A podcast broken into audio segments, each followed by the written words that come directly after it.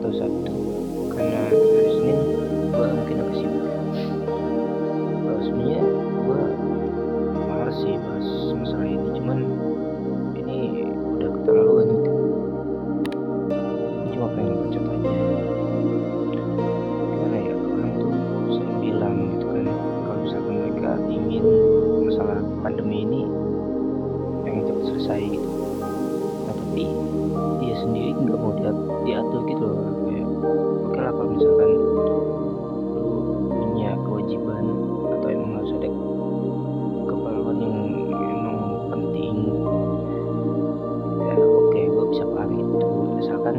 tetap ikutin protokol kesehatan yang ada. Stay safe lah ya.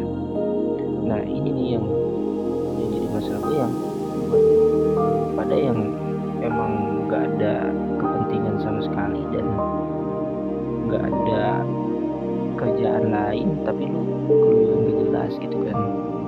Apalagi kayak jelas gitu kan. Ya gue tahu gue tahu bosan pasti bosan di rumah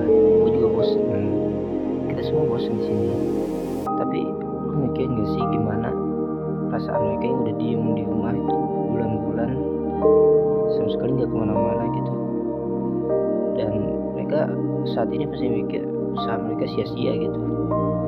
Karena cuma mereka diem di rumah dengan harapan ini cepat selesai. Sedangkan lu yang entah otaknya di mana mungkin gue nggak tahu. Kayak nggak jelas nongkrong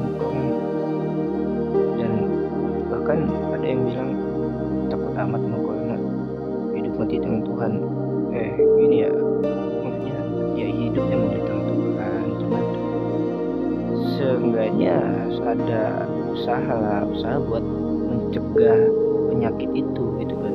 Kan lu juga kalau misalkan sakit lu berobat ke dokter pak. Enggak tiba-tiba lu ngomong lu gak usah berobat hidup mati tangan Tuhan. Kan orang nyangkanya lu aneh juga sebenarnya nggak peduli. Kalau misalkan lu mati kena virus pun bodo amat gitu. Masalahnya lu nih bisa nularin virus itu ke orang lain gitu. Dan itu menyebar juga.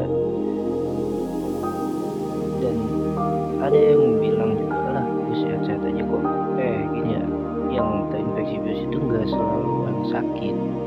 Bahkan kita yang terlihat sehat pun sebenarnya bisa jadi udah positif virus gitu nggak selalu harus orang yang punya penyakit.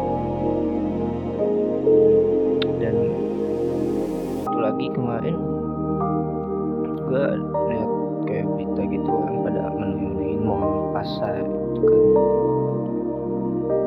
Mereka menuhin pasar cuma buat beli baju lebaran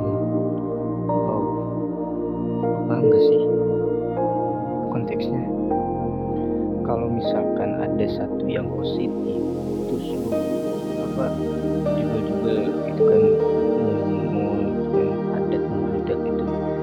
Lu tau gak sih itu bisa menular gitu itu bisa menyebar sangat cepat. Enggak ya gue gue apa kok bisa gitu? Mereka lebih takut nggak bisa nggak bisa beli baju lebaran ketimbang mereka kena virus. Gitu ternyata nggak ada. Kalian tahu gak sih kalau tuh ada banyak aplikasi belanja online. Dan bahkan untuk belanja kebutuhan pokok pun itu bisa online sekarang pak nggak harus pergi ke pasar paham gak sih? Kalian pada mikir gak sih kayak gimana perasaan para tenaga medis yang udah berjuang di garis depan gitu kan buat ini ngerawat pasien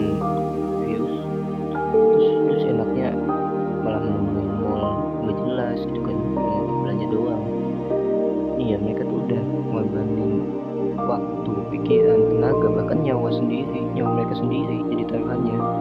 Dan lu malah bertingkah seenak seenaknya lu gitu. Tolong pikirin perasaan mereka juga gitu. Para tenaga medis itu berjuang mati-matian itu cuma buat ngelindungin kalian ngelindungin kita semua. Sedangkan yang dilindunginya itu kayak gini. Ada otak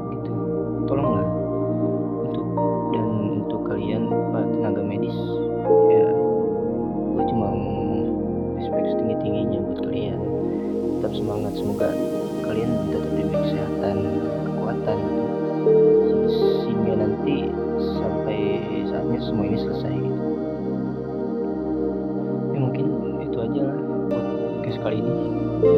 Gue juga pengen baca aja sih. Gak terlalu serius lah ya. Gue cuma sah aja gitu sama aku orang Indonesia. Oke okay, bye